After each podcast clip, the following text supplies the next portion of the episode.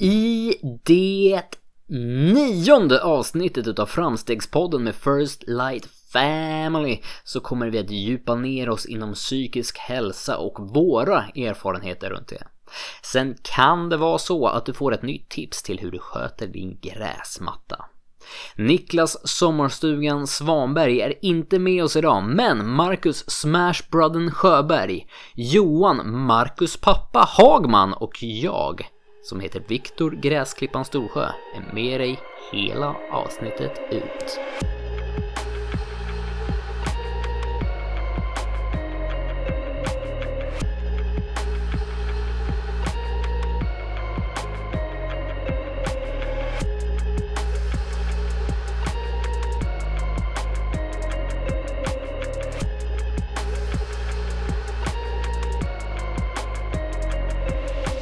Det är söndag, poddsöndag. För att vara exakt. För att vara exakt. Har jag med mig några poddinspelare? Ja. Jag är också här. Vi har jag och jag med oss. Jag är Och Marcus. jag. Och jag, Johan, är här. Och jag. Jag är Viktor. Vi har inte med oss Niklas idag. Nej. Nej. Han är ute på tur. Aldrig sur. Aldrig. Ja, Jag tror att han skulle åka och besöka någon kyrka eller två. Studiebesök med Niklas. Ja. Är är denna rolig. kyrkan duglig för zombieöverlevnad? Svar negativt. Inte den här gången heller. Inte. Han, eh, han tar en tur genom Sverige bara bankar på alla kyrkodörrar han hittar. Hallå! Hallå! Saker Niklas gör. Eh, Hur mår ni? Vi mår bra tror jag. jag. Jag tänker svara för oss båda. Jag har faktiskt ändå spenderat dagen tillsammans med Johan, så det var trevligt. Mm, absolut. Vi har haft eh, påhälsning av eh, våran favorit eh, hedersnynneshamnare idag. Med familj. Eh, Vem då? Och, eh, Viktor, Viktor med familj var nere och eh, heja, hejade på. Eh, och eh, jag hade ju tänkt sådär att Nej men det finns, det finns ett antal ställen som liksom man har pratat om och man vill visa upp och eh, men det, det finns väldigt många saker med den här kommunen jag är stolt över. Till exempel ett ställe är ju Tore Stenstrand. Ja, jag trodde jag skulle få gissa. Ja, d- Jaha, jag tro- du trodde, du trodde Ösmo simhall?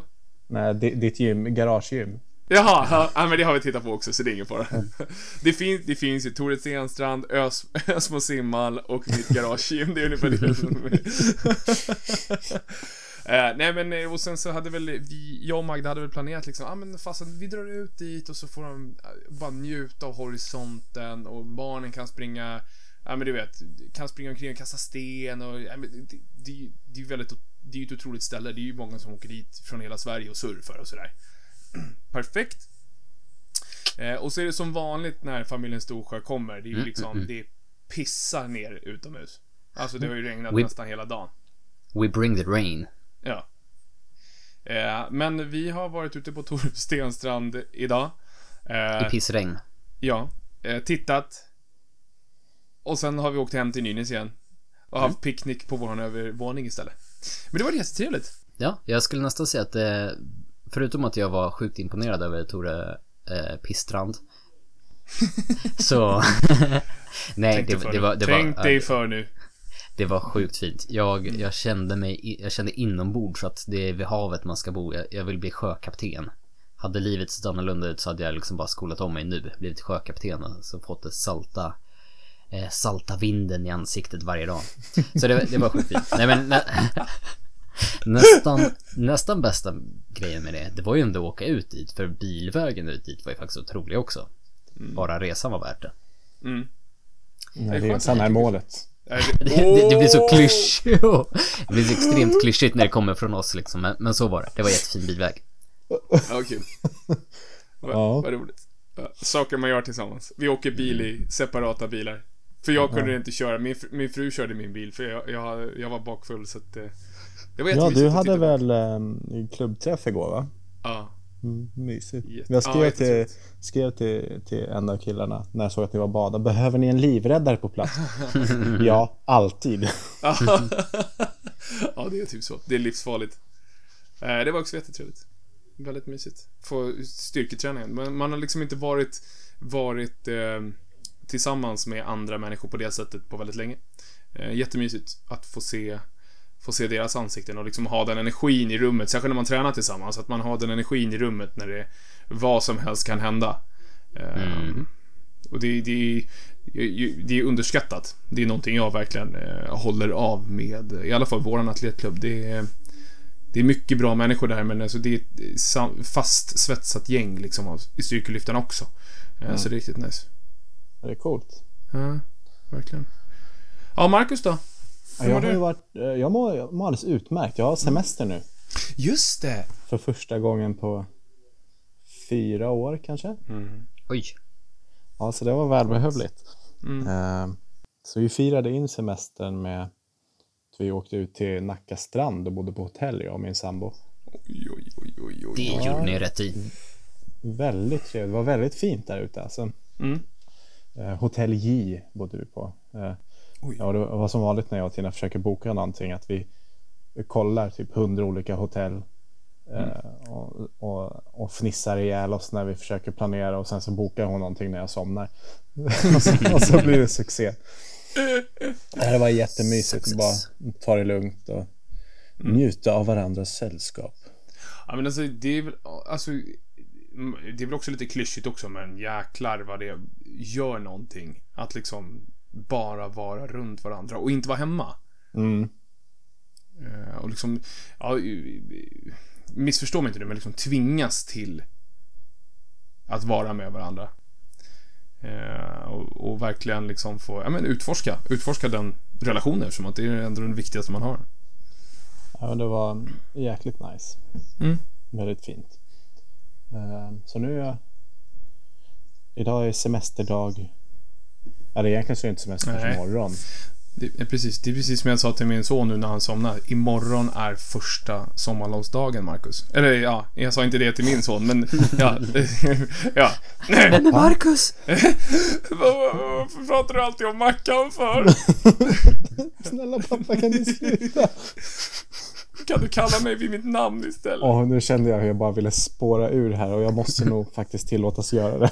Ja, ja, ja, ja. Låt oss, låt oss höra. Okej. Eh, det slog mig för ett tag sedan Mm. att eh, hon som födde mig, Ett sätt att nämna det. Ja. hon har blå ögon. Mm. Eh, och han som säger sig vara min pappa, Mm. han har blå ögon. Mm. Mm. Jag har gröna ögon. Mhm, så du ifrågasätter var, huruvida det är sant? Vems är jag? Eh, så jag googlade eh, om blå plus blå kan bli grön. Och det är en procent chans. Och jag tror att risken att hon som födde mig har varit och tallat någon annanstans är större än chansen att en blå plus blå blir grön. Oj. Oj. Hmm. Jaha. Och det här var någon... Du kände, du kände att det här var bäst plattform att börja... börja vad heter det? Familj, Ja, men- familjehistoria. Ja, men, ja, men jag, jag, det kom tillbaks nu när, när du sa, när- jag skojade och frågade om du var min pappa så kom jag på, Ja. vem är min pappa? Så att du funderar ifall jag faktiskt är din pappa. Ja, så jag, Ja, Johan är ju faktiskt äldre än dig. Ja, han är ju äldre, men, men det, han skiljer ju inte så många år. Men det, Det är, t- det är tre år i emellan. ja, ja. Eh, nej, men så jag har försökt få min lillebrors pappa att erkänna. Eh, men han, han, han vägrar för han säger att jag kommer försöka kräva någon slags underhåll av honom. Retroaktivt dessutom. Ja. Ja, ja. Eh, Ja, det, ja alltså, det, det var det. jag tänker verkligen sidospår med Marcus. Alltså det är också ett också sjukt bra segment. jag kräver en jingel. Vet, vet ni vad som hände mig i veckan annars då? Berätta. Nu, nej, Marcus är tillbaka. Jag trodde han försvann först. Ja, dålig anslutning står det att jag har. Vänta, jag hoppar lite till vänster här. Jag tänker Så. bara på, förlåt innan du börjar. Jag tänker på den här gamla videon. Kommer ni ihåg det? När de har lagt det, när det är, när Lord, of, Lord of the Rings-filmen. Och sen har han lagt en annan ljudspår. När han sitter och kastar sten utanför Ja, du är för The dålig för att kasta sten. Du är för dålig för att kasta sten. Jag tänkte på, jag har för dålig uppkoppling. Du är för dålig för att kasta sten. Ja, förlåt. Eh, låt höra, Viktor. Eh, nej men så här var det. Eh, jag är en person som inte särskilt ofta har ont i magen. Eh, Jag börjar med det. Eh, ut, men eh, häromnatten vaknade jag vid, eh, vad kan det ha varit, tre på natten. Och hade så sjukt ont i magen. Alltså riktigt eh, magsmärtor. Eh, som jag aldrig varit med om liknande. Eh, och jag verkligen låg och kved. Eh, och att man vaknar av det känns ju liksom mysko i första fall. För jag, liksom, jag vet att jag började med att jag låg och drömde om att jag hade ont i magen. Eh, och liksom drömmar mer eller mindre som slutar i, i någon sån här alien-scenario och någonting liksom brister ut ur magen på mig. Mm. Men det slutar i alla fall med att jag vaknar, eh, kvider, har ont, det går liksom lite fram och tillbaka. Det är liksom inte ett konstant bara skitont i magen utan det går med lite fram och tillbaka så här. Mm. Eh, när, så länge minuterna går. Men jag börjat lägga där liksom någon halvtimme, timme och känna att det här är riktigt jävla jobbigt så jag börjar självklart googla vad det kan tänkas vara och eh, Ah. nä- nä- närmsta jag hittar är liksom, ja all, allting finns det ju liksom eh, det, det är så pass diffust så att eh, jag har ju någonstans eh, antingen eh, bara ont i magen eller så har jag cancer. Det är någonting däremellan. Nej men det närmsta är liksom tarmvred. Eh, och jag har ju hört om tarmvred tidigare och jag tänkte så här fan jag har ju riktigt jävla ont så att jag kvider men kanske inte så ont för folk pratar om tarmvred som att föda barn men det här är ju riktigt jävla illa. Men jag ligger i alla fall där från kanske ja, tre på natten tills någonstans vid sextiden på morgonen mina barn går upp. Så jag låter min fru ligga kvar så går jag upp med barnen ser till att de får någonting lite att käka, sätter dem framför tvn så ringer jag 1177 och känner så här att ja, det, här, det här är illa. Alltså jag kommer inte kunna bita upp hela dagen om det ska vara så här. Så jag tänkte att jag måste i alla fall kolla med någon, någon kunnig person. Där svarar en snäll liten dam. Eh, och hon tycker det här är lite så här, ja det är misstänksamt så här, men vi måste ju utesluta några saker. Så hon får börja liksom med att hon pratar med liksom, har jag ätit någonting konstigt alls? Nej, nej, nej, nej, okej. Eh, eh, så hon ber mig hoppa lite grann. Känns det annorlunda då? Nej, alltså, men det, det känns ju liksom som när tarmarna jobbar och det, det ska ju tydligen vara liksom nära tarmvred då. Så bara, okej. Jag måste bara be dig om en sak först. Kan du klämma dig lite på pungen? Ja. Så jag tänker jag, men jag förstår ju liksom att det handlar... Det, det, det, ja, jag förstår. Opassande! Jag ringde fel, det var inte 1177, det var heta linjen. Nej, men jag, jag, jag förstår ju att det handlar om att man vill kolla om man har pungbråck då liksom så här. Men, jag, men jag, så fort jag stoppade ner handen i, innanför byxan så ska jag liksom börja klämma till så hon bara Jag är inte hårdare än vanligt alltså. Ja, nej. Jag förstod ju också då, tänkte jag liksom. Det inte så att jag tar- i för kung och fosterland. Hej, det gör jätteont! Why would you say that? Nej, jag, jag tänkte så här, jag kanske bara en, en, en så här taktik för att inte få en att känna magsmärta den tiden. Nej. Okej, ja, men det, det var inte det heller. Eh, så att, eh, nej men det är okej. Så hon började prata som så här. Nej, alltså blir det mycket värre då, då kanske vi ska ringa en ambulans till dig eller kan, kan du ta det på något annat sätt? Ja, jag tänkte, ja, jag kan överleva och ta en taxi eller någonting. Så började med, prästen, har, har du varit på toaletten sen Ja, nej, jag har liksom inte känt mig skitnödig överhuvudtaget, jag har bara skitont. Nej, men men jag tycker du ska åka in till akuten. Ja, så säger jag. Lägger på. Börjar tänka på att fylla, fixa fram en taxi. Precis då känner jag så här att jag har ju ändå jag började med att sätta på kaffe på morgonen för oavsett hur ont i magen jag har tänker jag att kaffe löser allt. Eh, så jag har ju ändå druckit i mig, fått i mig en kopp nu så nu började ju ändå magen jobba lite grann mer och kände så här, fan jag kanske ska gå på toaletten då. Två minuter senare, allt borta. He, så bara, jaha. Så det var, det var storyn om mitt magont som slutade med att jag gick på toaletten. Bajspodden. Den, den, den satt på tvären. Men gud. Jag alltså, vet att det blev antiklima, liksom antiklimax där men... Eh, Vi, vi är, Men- mm, ja, låt, låt oss ta oss ur det. Men, nej men, eh, men, men alltså, jag menar så här, eh, har du inte tänkt på det efter det? Alltså, kan du bara så här, och så släpper du det? ja, Jaha, men det, mm. ja, ja men det, det, det kändes verkligen antiklimax för att det var ju så här att jag har aldrig haft magsmärtor av något liknande tidigare. Det här var väl liksom bland de Du- värre sakerna jag varit med om, bara helt random. Så att, att, kän- att sen känna sig så här skamsen över att gå på toaletten och gick över, det är så här, jaha. Undrar hur låg min smärttröskel är Så egentligen. börja, alltså, börja intala dig själv. Men jag såg nog en Binnike-mask där ändå. Ja, ja.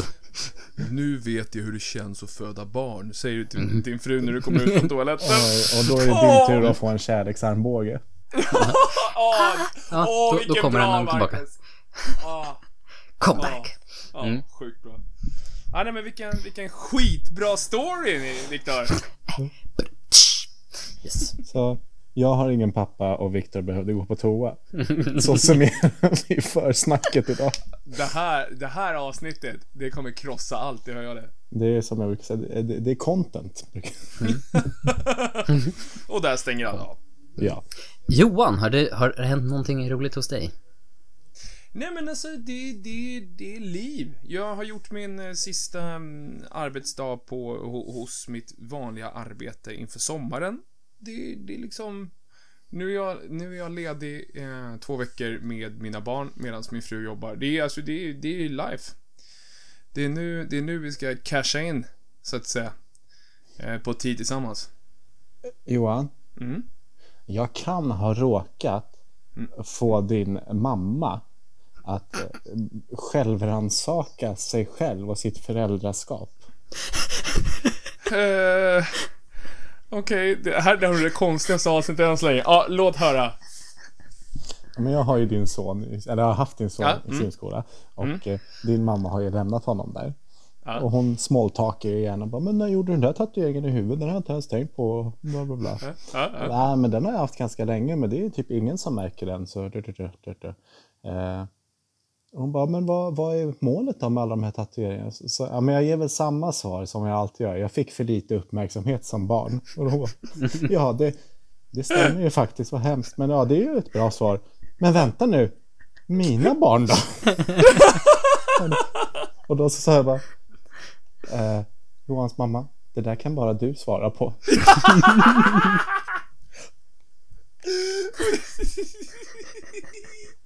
Och jag vet ju hur du är, för liksom, då, då säger du verkligen Det kan bara du svara på. Med tanke på att jag är ganska tatuerad och min lillebror är ganska tatuerad också. Så, Ja. Nej men, vi, nej men det kanske är så. Ja, så får du någon så här lovebombing från henne nu så det, det är mitt fel. Mamma, mamma. Jag får alltid lovebombing av dig.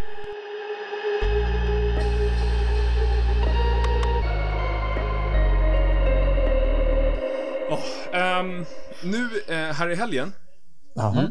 så gick ju Viktor ut med sin stora mustasch på Instagram. Ja, jag och mustaschen. Etablerade dominans över hela, hela, hela internet skulle jag vilja säga. Ja, ja, men jag kände Eh, av det. Ja men verkligen, jag kan förstå, fatta, fatta hur jag kände. Och särskilt idag när han kom förbi och frågade ifall jag behövde lite av hans mustascholja. Skön han är. Och eh, frågade ifall det var någon som eh, hade någonting som de tyckte vi skulle ta upp, eller hade några frågor i podden. Eh, och vi fick ju ehm, ett svar. eh, På ett väldigt, eh, väldigt stort ämne skulle jag säga. Eh, jag tänkte att jag tycker vi ska snacka lite på det. Mm. Ehm, svaret är, det skulle vara grymt om ni kunde snacka om psykisk ohälsa. Både allmänt, men också inom träning. Oj. Ja, alltså det, det, det är en tung, tung grej. men också en väldigt viktig sak att prata om, känns det som. Vad, vad är psykisk ohälsa för er? Ehm, min definition av det är nog att man förlorar förmågan att bara vara. Mm. Man,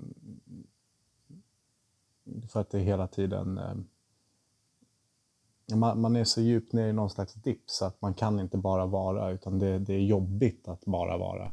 Mm. Och för mig har det alltid varit eh, att när jag mår dåligt försöker jag sysselsätta mig och distrahera mig istället för att ta tag i det. Mm. Och det, det är inte bra. Nej. Eh, Men det kan ju...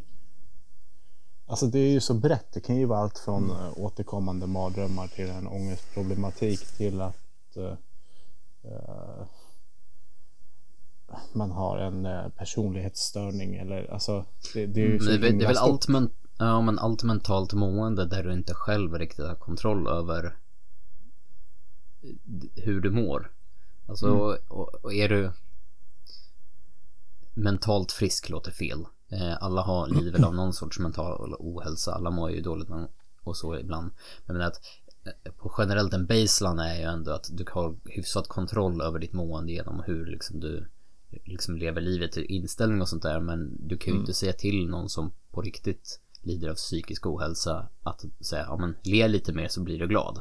Ja, nej, riktigt så funkar det ju inte. Nej. Nej men, men alltså det, det är väl samma sak, för jag tänker liksom hälsa. Det är ju, det är ju en del av våra liv, alltså eh, fysisk hälsa. Att vi är sjuka och att vi är friska.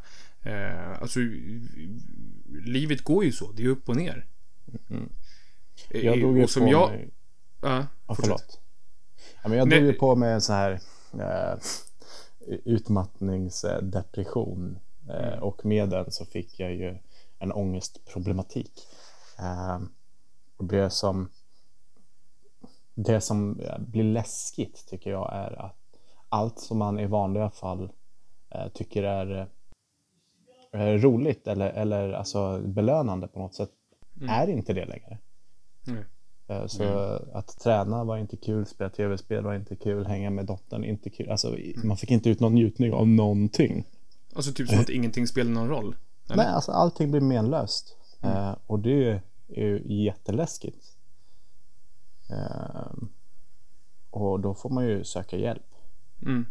Eller, alltså, man, jag, jag upplevde det så. Det, det är väldigt svårt att försöka bita ihop och ta sig ur det själv.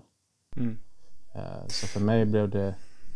eh, Ja, men jag behövde dels någon att prata med som inte var en vän eller en närstående utan utomstående att prata med. Och så behövde jag hjälp av medicinering för att bli neutral igen. Alltså, Mm.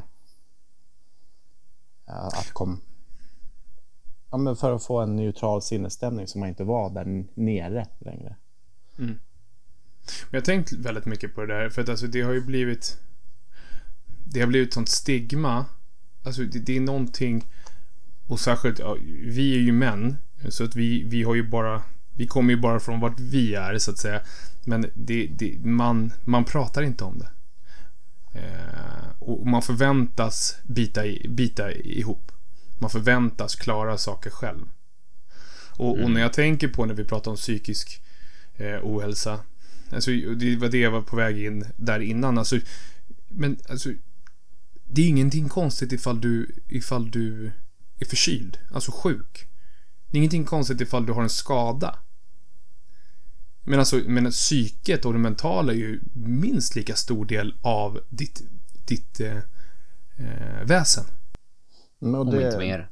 Och det är ju, Mm. alltså, det är ju lätt att hamna där. Alltså, jag kände ju inte in, alltså, jag jobbade, jobbade extremt mycket och tränade extremt mycket och bara körde på och körde på. För jag, jag är inte så, ehm, vad heter det, stress, eh, stresskänslig. Jag känner inte av det. Utan jag bara körde på och körde på. Sen så bara pang, så gick jag sönder. Eh, och det, det är ju svårt att, att bita ihop när man blir slagen av någonting man inte ens eh, hinner se komma. Nej. Och inte ens förstår kanske. Nej. Eh, men eh, det vad är det nu? Det är typ tre år sedan, fyra år sedan. Mm, ja, tre år sedan kan det nog vara. När Ja. det verkligen var. Och jag har ju fått jättemycket hjälp av min sambo som är hon är ju äldre än mig och har också ångestproblematik. Alltså hon har haft ångest längre än mig. Så hon har lite mer verktyg i sin verktygslåda än vad jag har. Mm. Ehm, men det första, eh, att acceptera att så här är det. Mm. Så här, du, du har ångest. Det, eh, det går över. Ja, Det kommer inte, exakt. försvinna, det kommer inte försvinna. Nej. Men du kommer inte dö. Och det går över. Varje gång du får ångest så kommer det gå över. Mm. Eh, Och det har hjälpt mig som fan. Ja, jag, håller, ja, jag håller med. Det, det, när det har varit väldigt mörkt. This too will pass. Alltså, det, det är fast just då så kanske det är en föga tröst. Men, men det är ju sant. Mm. Det här, det du känner just nu kommer inte alltid vara så. Och eh, jag vet att vi pratar mycket, jag har pratat om det mycket med eh, många personer, men liksom It's okay to not be okay. Mm. Jag, ty jag, ty jag tycker det är en av de bästa en av de bästa sloganen, eller jag vet inte om det är en slogan från Suicide Zero eller någonting, men alltså det, det, det är så kraftfullt för att det är okej att inte må okej. För du, om du, om du går igenom livet och tror att du ska må bra hela, det är samma sak igen. Om du går igenom ditt liv och tror att du inte ska göra det illa. Om du går igenom ditt liv och inte tror att ditt hjärta kommer krossas. Om du går igenom ditt liv och tror att du ska vara liksom, livet ska vara stämsång varenda dag. Jag är jätteledsen, men det är inte så. Och, Och det är helt, vi, helt okej att känna så. och där har vi en annan sak, alltså som eh, sociala medier bidrar till. Jag tror att Mm. psykisk ohälsa har ökat, för på sociala medier är ju allt perfekt. Mm. Alla har hur mycket energi som helst och alla Mm. är glada, alla har roligt hela tiden och så börjar man eh, kolla på sig själv och bara men Men jag jag, jag är ju trött.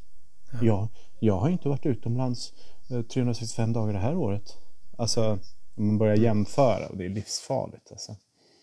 Men eh, ja, det jag tror all, alla kommer nog gå igenom någon form av eh, psykisk ohälsa i sitt liv. Det, Och sen så reagerar nog olika människor på olika sätt. Ehm,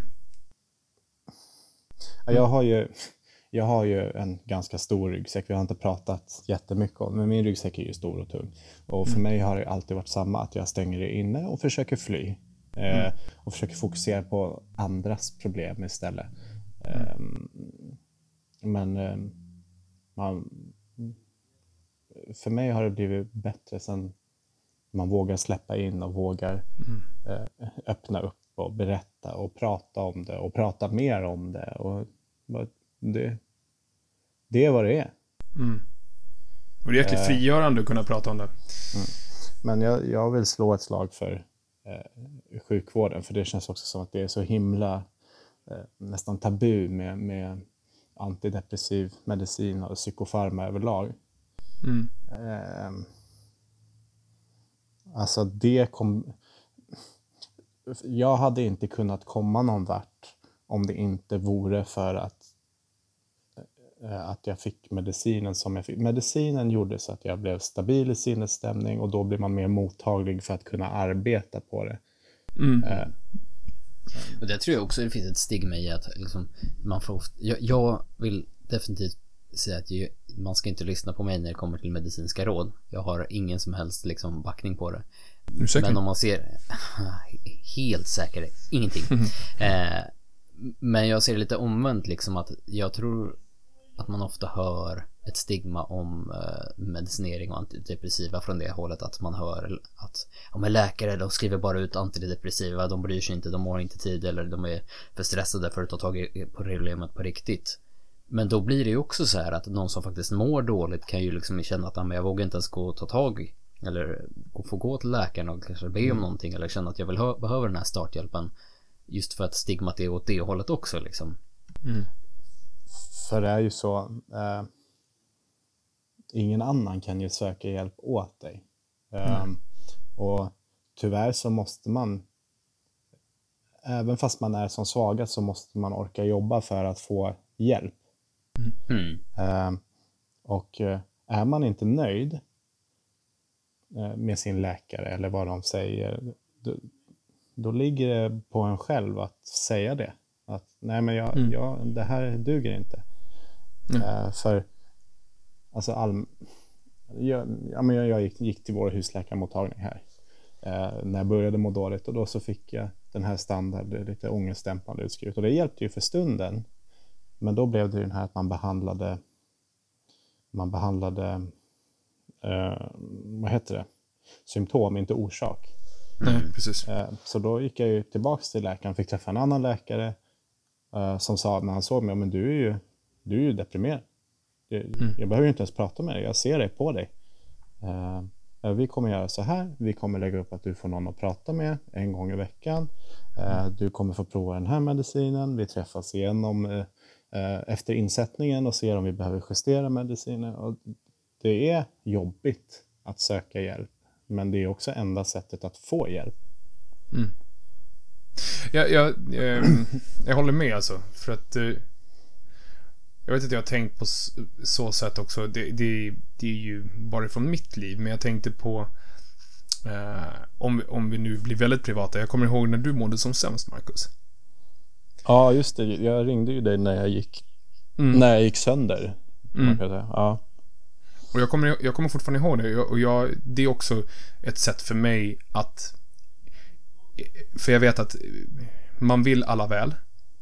Men vill man alla väl så blir det till slut att man bär hela världen på sina axlar, om du förstår vad jag menar. Mm. Mm. Och jag kommer ihåg att jag sa det, jag har sagt det flera gånger efter det, att jag kommer alltid finnas där. Men jag kommer aldrig kunna komma och hämta dig. Du måste komma till mig. ja, men så är det ju. Man, man kan ju inte, jag kan ju inte förvänta mig att du känner när jag mår dåligt och ringer Nej. upp mig. Men just då så... Jag kände ju själv, jag klarar inte det här. Jag, jag, jag var ensam hemma och så här, jag måste ringa någon. Så jag ringde dig. Mm. Och du kommer ju ihåg, det var ju liksom inte en rationell tanke. Det var ju första gången jag fick ångest på riktigt. Mm, mm, Eh, jag hade ju inte, det fanns inte en rationell tanke i mitt huvud. Det var ju liksom fantasier och oro. Och, ja, det var riktigt obehagligt. Eh, Eh, eh, eh, jag vet att du har haft ångestattacker. Eh, har du haft det någon gång, Viktor? Nej, Alltså någonting, ska som, inte- någonting som du upplever som ångestattack. För att jag tror att det är olika för alla människor. Självklart. Jag, jag tror att jag har blivit lyckligt eh, benådad. Eh, vad så heter det? Jag har nog inte haft särskilt mycket problem på det sättet. Jag har haft en, en vad jag skulle kalla ångestattack. Eh, Som berodde på att när jag var 17 skulle jag flytta till USA ett år. Eh, Jag hade träffat då min flickvän som är numera min fru. Eh, och vi hade träffats Som du armbågade ansiktet. Yes. Eh, det är det enda folk kommer veta om min fru. Yep. Han slår henne! Eh, nej, men vi, vi hade varit tillsammans ett år. Eh, det, det hade ju liksom varit ganska jobbigt innan inför det här, för att jag hade ju redan bokat att jag skulle åka iväg till USA. Jag träffar henne, vi hinner vara tillsammans ett år, det är dags för mig att dra. Det var mycket fram och tillbaka, ska vi ens försöka vara tillsammans? Är det värt med ett långdistansförhållande? Allt det där, lämna hem, familj, vänner, jada jada jada, åka till ett helt nytt land, eh, träffa bara människor man inte känner och stanna där ett år. Så på planet på väg till USA när jag skulle bo där som utbytesstudent ett år eh, så gick jag på toaletten någonstans halvvägs över Atlanten och där någonstans kände jag liksom att eh, ja, men, ja men det blev liksom så här tunnelseende djup, djup, djupt så här vad är det som händer? Var, vart är jag? Vart är jag på väg? Var, var liksom där någonstans tappade jag lite fattningen. Så det är väl det närmaste jag kommit. Eh, för, för just då under några minuter så hade jag nästan svårt att andas. Mm. Ehm, Men ehm, annars har jag nog blivit benådad från den som sagt. Ja, för det är ångest, ångestattacker, alltså det är, Mm. det är stark skit. Mm. Ja, eh, något som eh, jag tycker är tröstande. Det säger, Mm. mm. jag har läst mycket vad ångest är och sådär. Det, och det är ju en, en felsignal.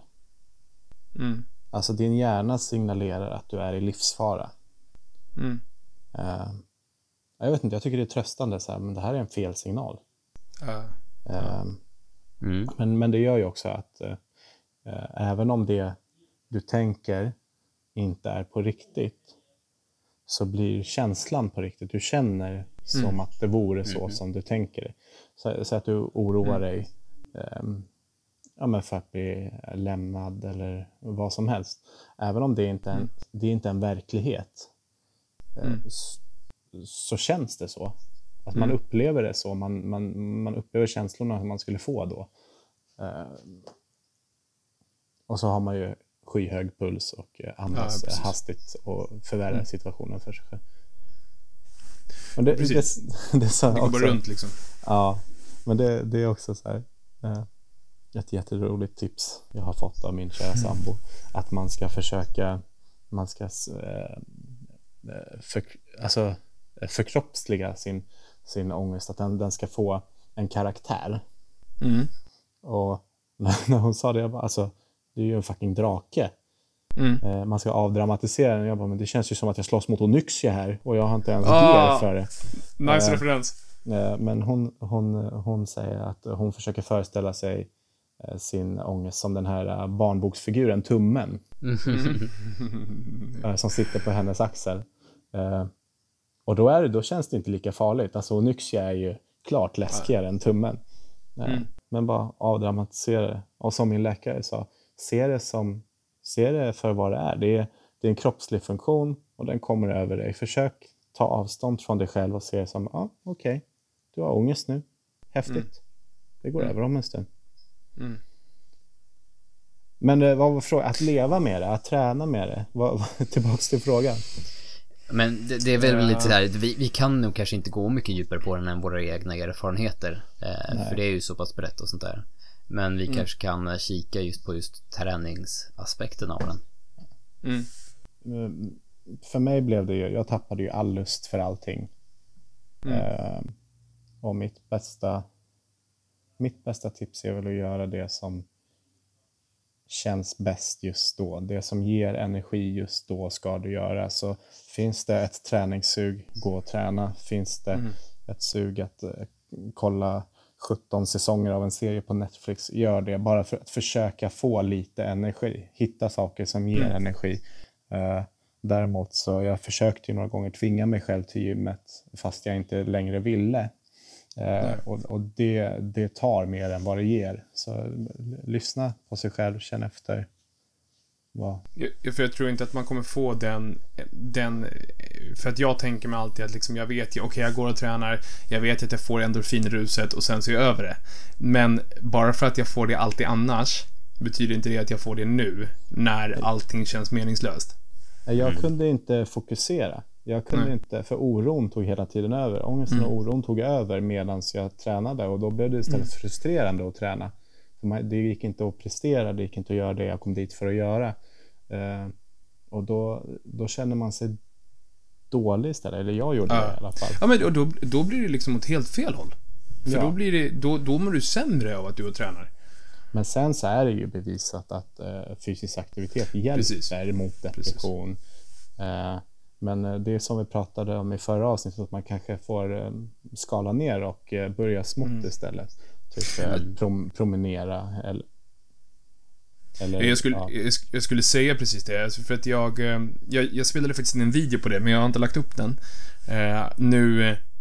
Jag, jag, jag har känt av eh, att... Med det vi pratade om, att man har varit instabil hela våren. Och jag vet ju att det är på grund av oro och whatever. Eh, och jag har haft ångestattacker ett antal gånger. Jag har inte haft ångestattacker på länge, men jag har haft ångestattacker under våren. Eh, där jag för första gången känner att jag inte kan andas och sådär. Eh, och vad jag, jag, jag gjorde då, ehm, jag plockade fram liksom någonting som har hjälpt mig de sista åren och det är att jag kanske inte fokuserade på styrketräningen, vilket jag älskar, utan att jag såg till att ta mig tiden och komma ut och eh, jogga istället. Man behöver inte jogga, men, men eh, jag, för mig så känns det, jag inbillar mig i alla fall att det hjälper mig att kontrollera kortisolet. Mhm. Eh, och då i alla fall få ner lite av mitt stresshormon för att släppa på trycket där i alla fall. Eh, sen, sen är det ju så att jag har ju börjat gilla att lubba så att jag tycker det är ganska soft och det funkar för mig. Jag har inga pro- problem att springa 5 kilometer. Men det skulle lika gärna kunna vara att jag bara går ut och får frisk luft och går 200 meter några gånger. Ehm, det hjälpte mig nu i våras faktiskt en hel del. Att liksom komma på banan igen. Ehm, men precis, man kanske inte ska tvinga sig in till att tycka att ja, men jag är styrkelyftare eh, och det är det jag tycker är kul i vanliga fall. Därför måste jag använda styrkelyft som verktyg för att ta mig ut det här och det kanske inte är det som är utan eh, träning kanske är fortfarande ett bra verktyg men hitta det som kanske ger bättre resultat för just din mentala hälsa än just snarare än bara ditt ett rep max i bänken liksom. Man får väl behandla det, mm, eh, försöka tänka som äh, efter en äh, förkylning eller magsjuka när man ska ta sig tillbaka till träningen. Man är van vid att träna på en viss nivå eh, Men det är ju inte möjligt när, om man har varit sjuk under en längre tid. Och jag Mm. tror att det blir lite samma om man inte mår i- helt hundra eh, psykiskt. Men sen finns det ju studier på att, att ehm, eh, i rörelse, alltså när man promenerar till exempel, så är hjärnan mer mottaglig för eh, eller vi mer mottagliga för eh, förändring. Alltså om man Mm. pratar förändring så är vi mer mottagliga medan vi rör på oss. Så jag tror absolut att promenera och tänka och ha en kompis att prata med. Så så här, har man inte läst Järnstark så kan det vara en eh, vettig bok att läsa faktiskt. För den är väldigt bra. Eh, Av, eh, Ann, vad heter han för någonting? Ja, hjärnforskaren Anders någonting. Som handlar om just det. Jättebra bok verkligen. Men hur... Jag tänker att, jag ska, att vi ska försöka summera ett svar på Ja, frågan. alltså, jag satt och tänkte på exakt samma sak. Och, alltså, Och, för, ja, ta du. Du, du Nej, verkar det- vara på väg. Nej, men du, sa- du sa det så bra. Det, det är okej att inte vara okej. Ehm, och Jo, jo, jo. eh, jag lägger till att det, det, det är coolt att berätta om det. Det är rätt töntigt att låtsas som ingenting om det här. någonting. Hell yeah. Hell yeah. Precis, och försöka sprida det vidare. Jag kan ju bara liksom bara se hur, om jag också får bli privat, liksom att jag har väl haft en ganska bra uppväxt på så sätt, men jag har ju ändå haft perioder i mitt liv eh, där mina föräldrar liksom ändå har berättat för mig att de inte har mått bra. Och de har varit öppna med att de inte har mått bra. Eh, och att de, de går och träffar någon för att prata med och att det har liksom också varit antidepressiva med och så här och, och det har inte varit då har det inte blivit stigmatiserat. Det har blivit någonting naturligt. Eh, på samma sätt så blir det också väldigt naturligt för mig då att berätta för mina barn till exempel någon dag när jag tycker det, när jag mår väldigt dåligt och vi har stressigt på väg till förskolan eller liknande att, att jag kan berätta för dem att jag mår inte så bra just nu eller liksom jag tycker det är väldigt jobbigt och därför kan jag reagera lite på det här sättet eller så vidare så vidare så att det blir också blir att jag inte försöker dölja mina känslor för dem. För jag tycker det är väldigt viktigt också att jag liksom visar att jag har känslor för mina barn. För att de ska också då kunna känna sig bekväma med att visa sina känslor. Precis, annars kommer de gömma det i sin tur. Jag, tror, jag tror att eh, om vi, om vi, det jag läser av här i alla fall, för våra högst personliga känslor är väl att behandla din psykiska hälsa eh, på samma sätt som du gör din fysiska hälsa. Eh, för det är lika viktigt, om inte viktigare. De går hand i hand. Ja, verkligen, verkligen. För att är vi, är vi starkare i kropp, starkare i eh, huvud, starkare i sinne, då blir vi nog förhoppningsvis starkare ehm, i livet.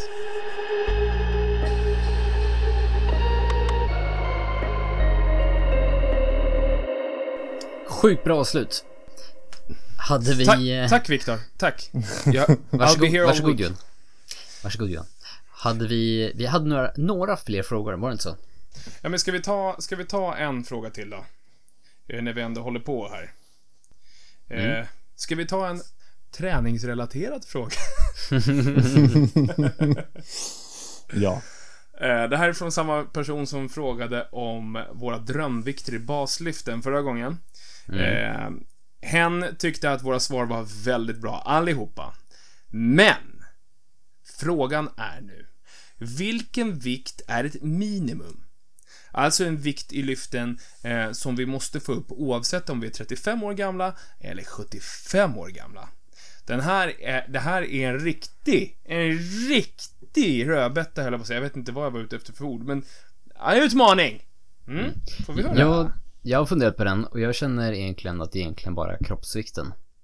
Eh, I vad som helst, att jag fortfarande ska kunna stå upp eller röra på mig, eh, komma upp från liggandes till ståendes.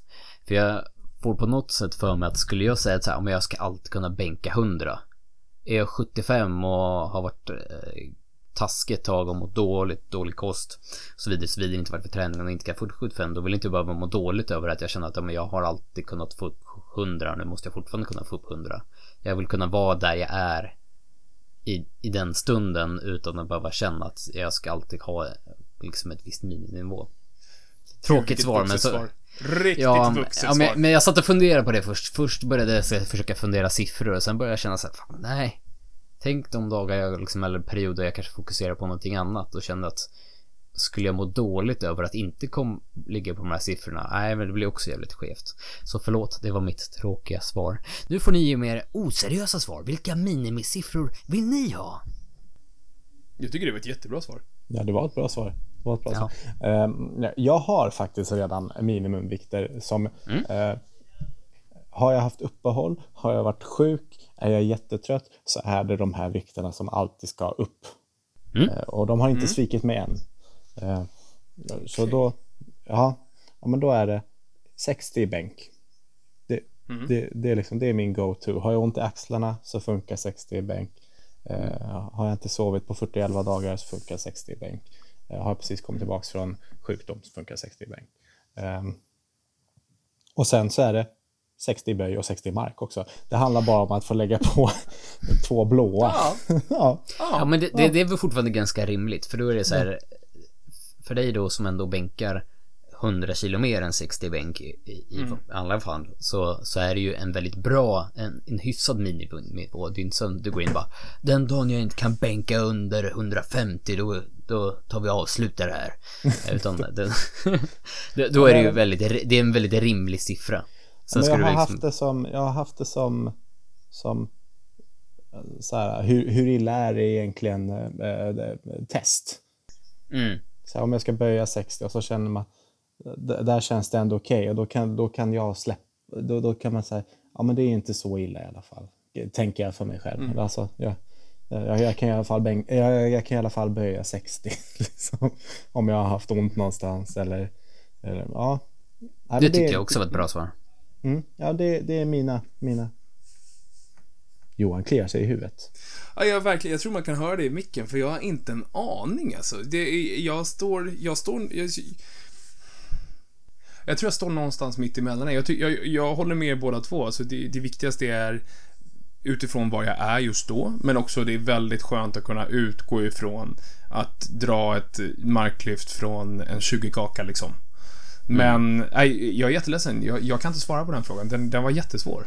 Du, du tyckte mitt och Marcus svar var så bra, så att du hade inte så mycket mer att tillföra. Är det det du vill säga? Jag, jag tycker att mina vänner, deras svar, de var så bra så jag har ingenting mer att tillföra.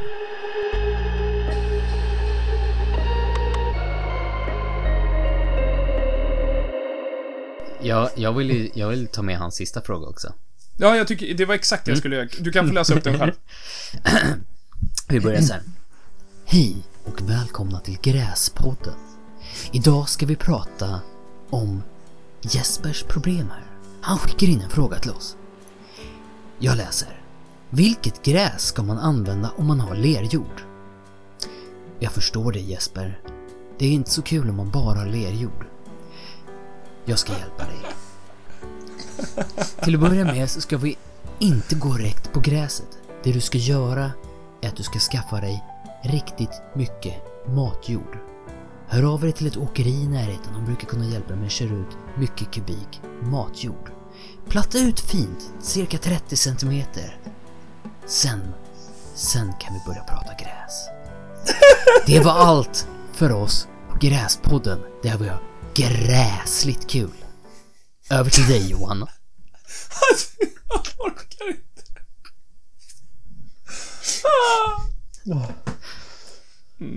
Oh, Viktor bör starta en podd. Ja, alltså jag tror det. Men du, alltså, du skulle ju kunna konsulta honom där, för att du är poddmaster. Jag ska ta in Viktor som gäst i min andra podd om jag har några gräsrelaterade frågor. Ja, ja. Ba- bara, så att vi är på, Wait every bara så att vi är day. på det, bara så att vi är på det gröna. Jag, jag pratar då gräsmatta här. Åh, Det var allt för mig.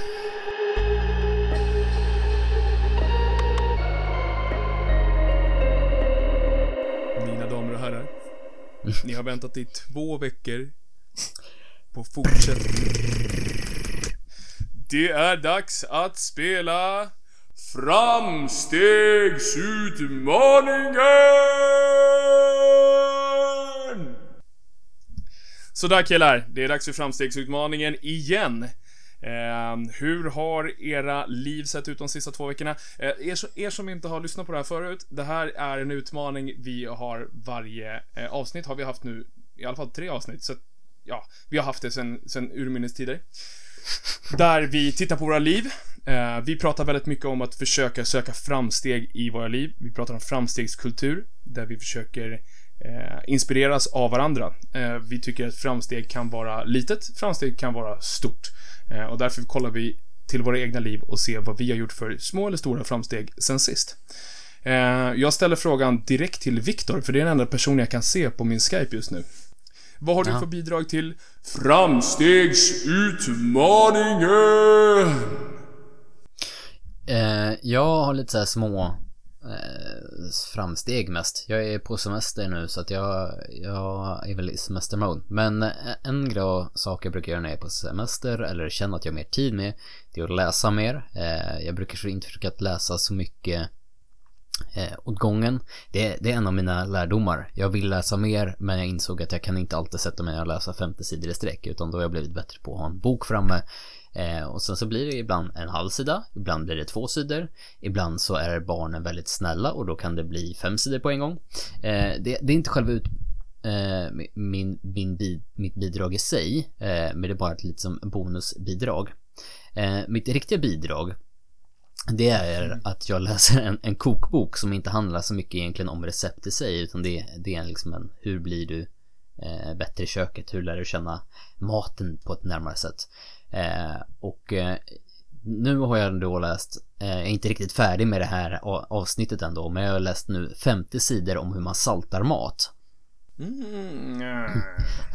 Och det var det jag ville komma till idag Johan. Jaha. När jag var hemma ja. hos Johan. Och ser på när han ska steka hamburgare. Och jag ser hur han behandlar saltet och hamburgaren och mängden på saltet här. Jag bara känner så här. Nej, jag ska inte säga något. Jag vill Bra. inte vara den som står över axeln på någon annan när de lagar mat och säger att de gör fel. För jag har läst en bok om salt. Jag har nu ett saltdiplom. Nej, men... Och det värsta var att jag såg på honom direkt när jag stod där jag bara, fan är det nu då Viktor? Vad gör jag för, vad, vad kan jag någonsin göra för fel nu när jag står och steker dina hamburgare? Ja, okej, det var saltet, ja, ja. Jag, jag tänker också att Viktor sekunden innan har kommenterat Johans gräsmatta också. Nej, det undvek jag också. Det var bara Johans fru som bad om ursäkt Ja. för hur hon såg ut. Hon tyckte det var jobbigt att Viktor skulle komma bara för att de visste vilken pedant han är med sin röstmatta. Nej, Nej, men, men, men det är lite så här att jag, har eh, nu utvecklat mig i, eh, i min kunskap om salt. Eh, obskyrt, men eh, det är de, det, det där ute jag rör mig, i de obskyra eh, bitarna. Det är väl jättenice ju. Alltså, Mm. det är väl jättekul att få nörda ner sig. Snyggt. Marcus. Vad är ditt bidrag till Framstegsutmaningen? Två saker. Dus. Eh, eh, en bra och en som eh, kanske var lite av ett vad. Eh, Okej, den första då. Det är att eh, Viktor nämnde det, semestermode. Mhm. Jag har lyckats gå ner i det och, och ta det lugnt och njuta av att ta det lugnt. Och det har, det annars har varit ganska svårt för mig. Eh, men nu så är jag verkligen, jag tycker det är nice att vara ledig och bara chilla. Bara vara. Ja, så det, det är ett framsteg tycker jag. Definitivt. Eh, sen min andra grej då, det är ju som när du ringde mig häromkvällen Johan, när jag satt med min styvson och spelade Smash Brothers turnering. Ja, ah, just det. Eh, vi, har ju, vi kör ju en turnering, eh, när, typ varannan dag kör vi. Ja. Och då så tar vi alla karaktärer som finns i spelet och man måste ta en random karaktär och sen så slåss vi tills alla karaktärer är förbrukade. Mm. Just nu så står det 11-11 i turneringar. Oh, jäklar. Ja, eh, idag förlorade jag. Varpå han säger, du skulle väl podda sen? Ja, ja det ska jag. Ni snackar väl framsteg och så? Ja, ja det gör vi. Kanske kan be någon om hjälp. Eh, Men, eh, och sen så vänder han och, och, och blir snäll såklart och säger att jag faktiskt har gjort framsteg för han tipsade mig om att eh, skölda och göra air dashes och grejer. Så jag har utvecklat mitt Smash Brothers-spelande eh, under gångna veckan. Det, det, där, Ja, det var alltså, bra. Det där, det där är ganska häftigt egentligen. Alltså att han... Nej, men jag vet inte att han...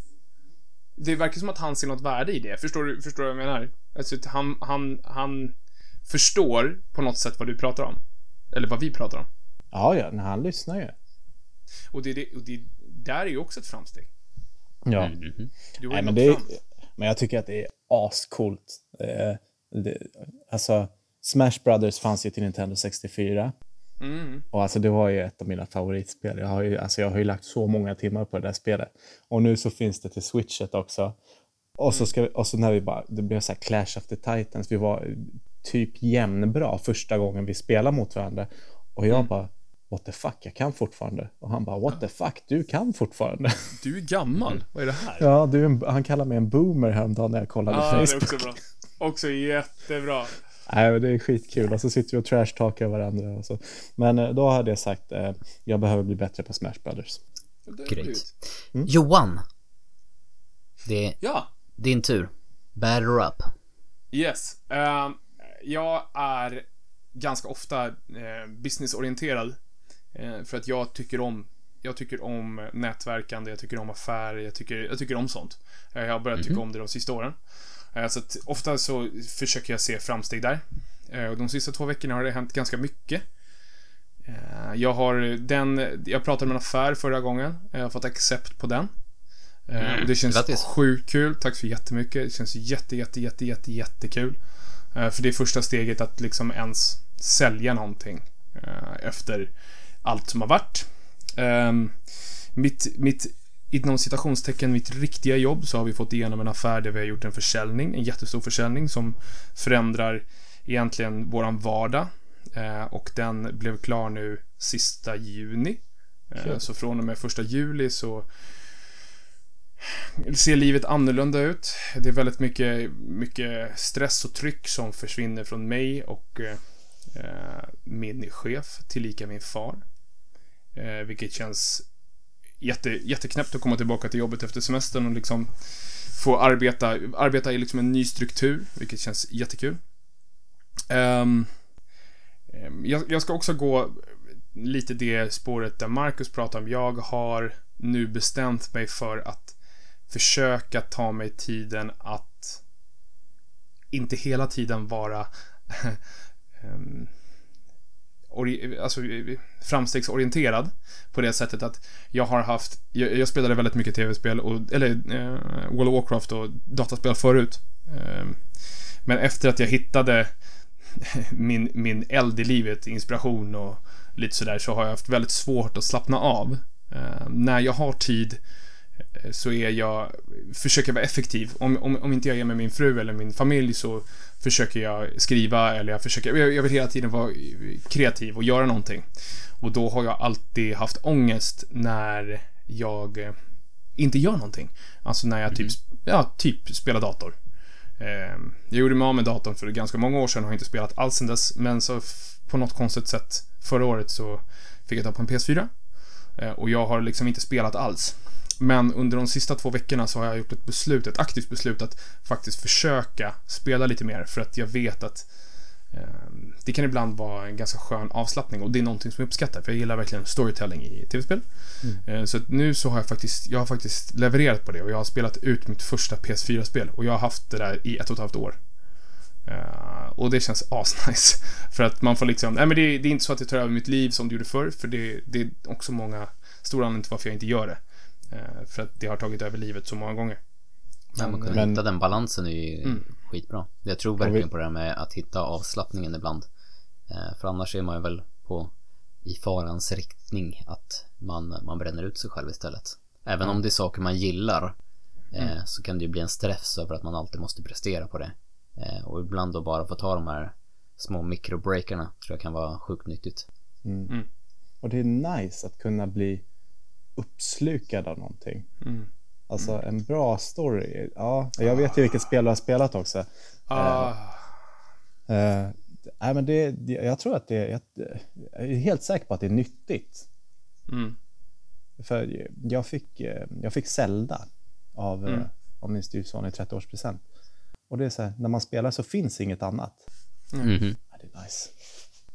Coolt. jag, har fort, jag har fortfarande inte kunnat komma till den, den här uppslukade grejen. Jag spelar ju, eftersom att jag spelade ut God of War så är det liksom, det är ju ett hack and slash. Så det är, du går in så kan du, du skulle potentiellt kunna spela 20 minuter, mörda lite, mör, mörda lite droger eller vad det heter för någonting och så bara kötta på och sen så ute. Eh, Jag har, jag har liksom inte kunnat ha längre spelsessioner och det- spelet kräver inte det.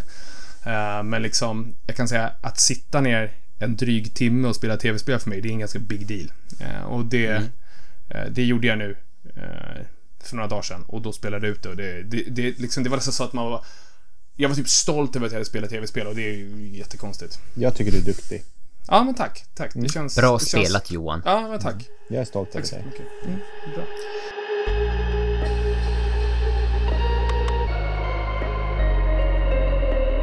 Jag, jag, jag, hör, jag hör något. Det, det låter In- som ett sug. Oj. Det är ett sug. Ja. handen. Jag har, jag har ett sug efter en sak innan det kommer ett annat sug. Okej. Jag, skulle, jag skulle faktiskt vilja plugga en person idag. Åh! Vi vill ha en jingle till, eh, till pluggen också. Ah, just jäklar. Ja, ta den nästa gång då. Ja, ja, ja, jag får försöka komma på någon. Eh, jag skulle vilja plugga eh, våran, jag säger våran, eh, First Lights eh, kille, eller di, kille, våran eh, kille som kör för DHL i Nynäs. Eh, jag tror att han kör för Torn, ja, det heter något annat, det åkeriet. Um, jag, jag, eftersom att det är jag som sköter ehm, kläderna, att kläderna skickas, så är det jag som har kontakten med Eh, Vi sen skickar genom Sendify och då skickar vi DHL. Och det, alltså det funkade verkligen inte alls i början. Alltså inte alls, för att vi måste, köra, vi måste skicka kepsar. Ja, vi skickar med DHL då i alla fall. Eh, och det gick liksom inte att få någon sorts kontakt. De kom inte och hämtade när de skulle och man kunde inte sköta att de hörde av sig, ingenting. Eh, och så mejlade jag till eh, åkeriet som kör här eh, och bad om hjälp och då fick jag ett nummer till en kille som heter Fabian. Och han är föraren som kör här. Och alltså det är en, alltså han är så sjukt service-minded. Eh, han, det är aldrig något problem att man hör av sig och frågar liksom, eh, jag, har en, jag har en hämtning. När kan du, när, för jag gör mina hämtningar eh, hemifrån. Och då är det så här ett window på en och en halv timme typ. Eh, men han löser det alltid. Eh, och nu häromdagen så hade jag en leverans som kom till mig också. Eh, och då behöver jag vara hemma och jag måste lägga mig och allting. Och då hade han sett att det var jag. Och sen kört hela rundan för han visste att han skulle till mig och hämta ändå. Och liksom det är så här små saker som gör... Och han är, han, det är en ung kille, alltså han, han kan liksom vara så här, tidiga 20-års, 20-årsåldern. Nej, riktigt, jag blir så jäkla glad varje gång han kommer. Så det är stor shoutout till Fabian eh, som kör för DHL i Nynäshamn. Grym kille. He's going places. Yeah boy! In- In his truck. In his pickup truck. Ja, Yeah. yes. Får, får jag återgå till suget nu? Jag hör hur det susar. Nu ska Marcus äta glass. Äntligen! Då så ytterligare ett avsnitt i banken. Återigen, detta avsnitt presenteras i samarbete med Hjärta Södertörn som hjälper företag att hitta rätt i försäkringsdjungeln. För mer information besök www.hjärta.se sodertorn. Är du intresserad av att sponsra podden? Skicka iväg ett mail till oss på firstlightapparel@gmail.com så hookar vi dig upp!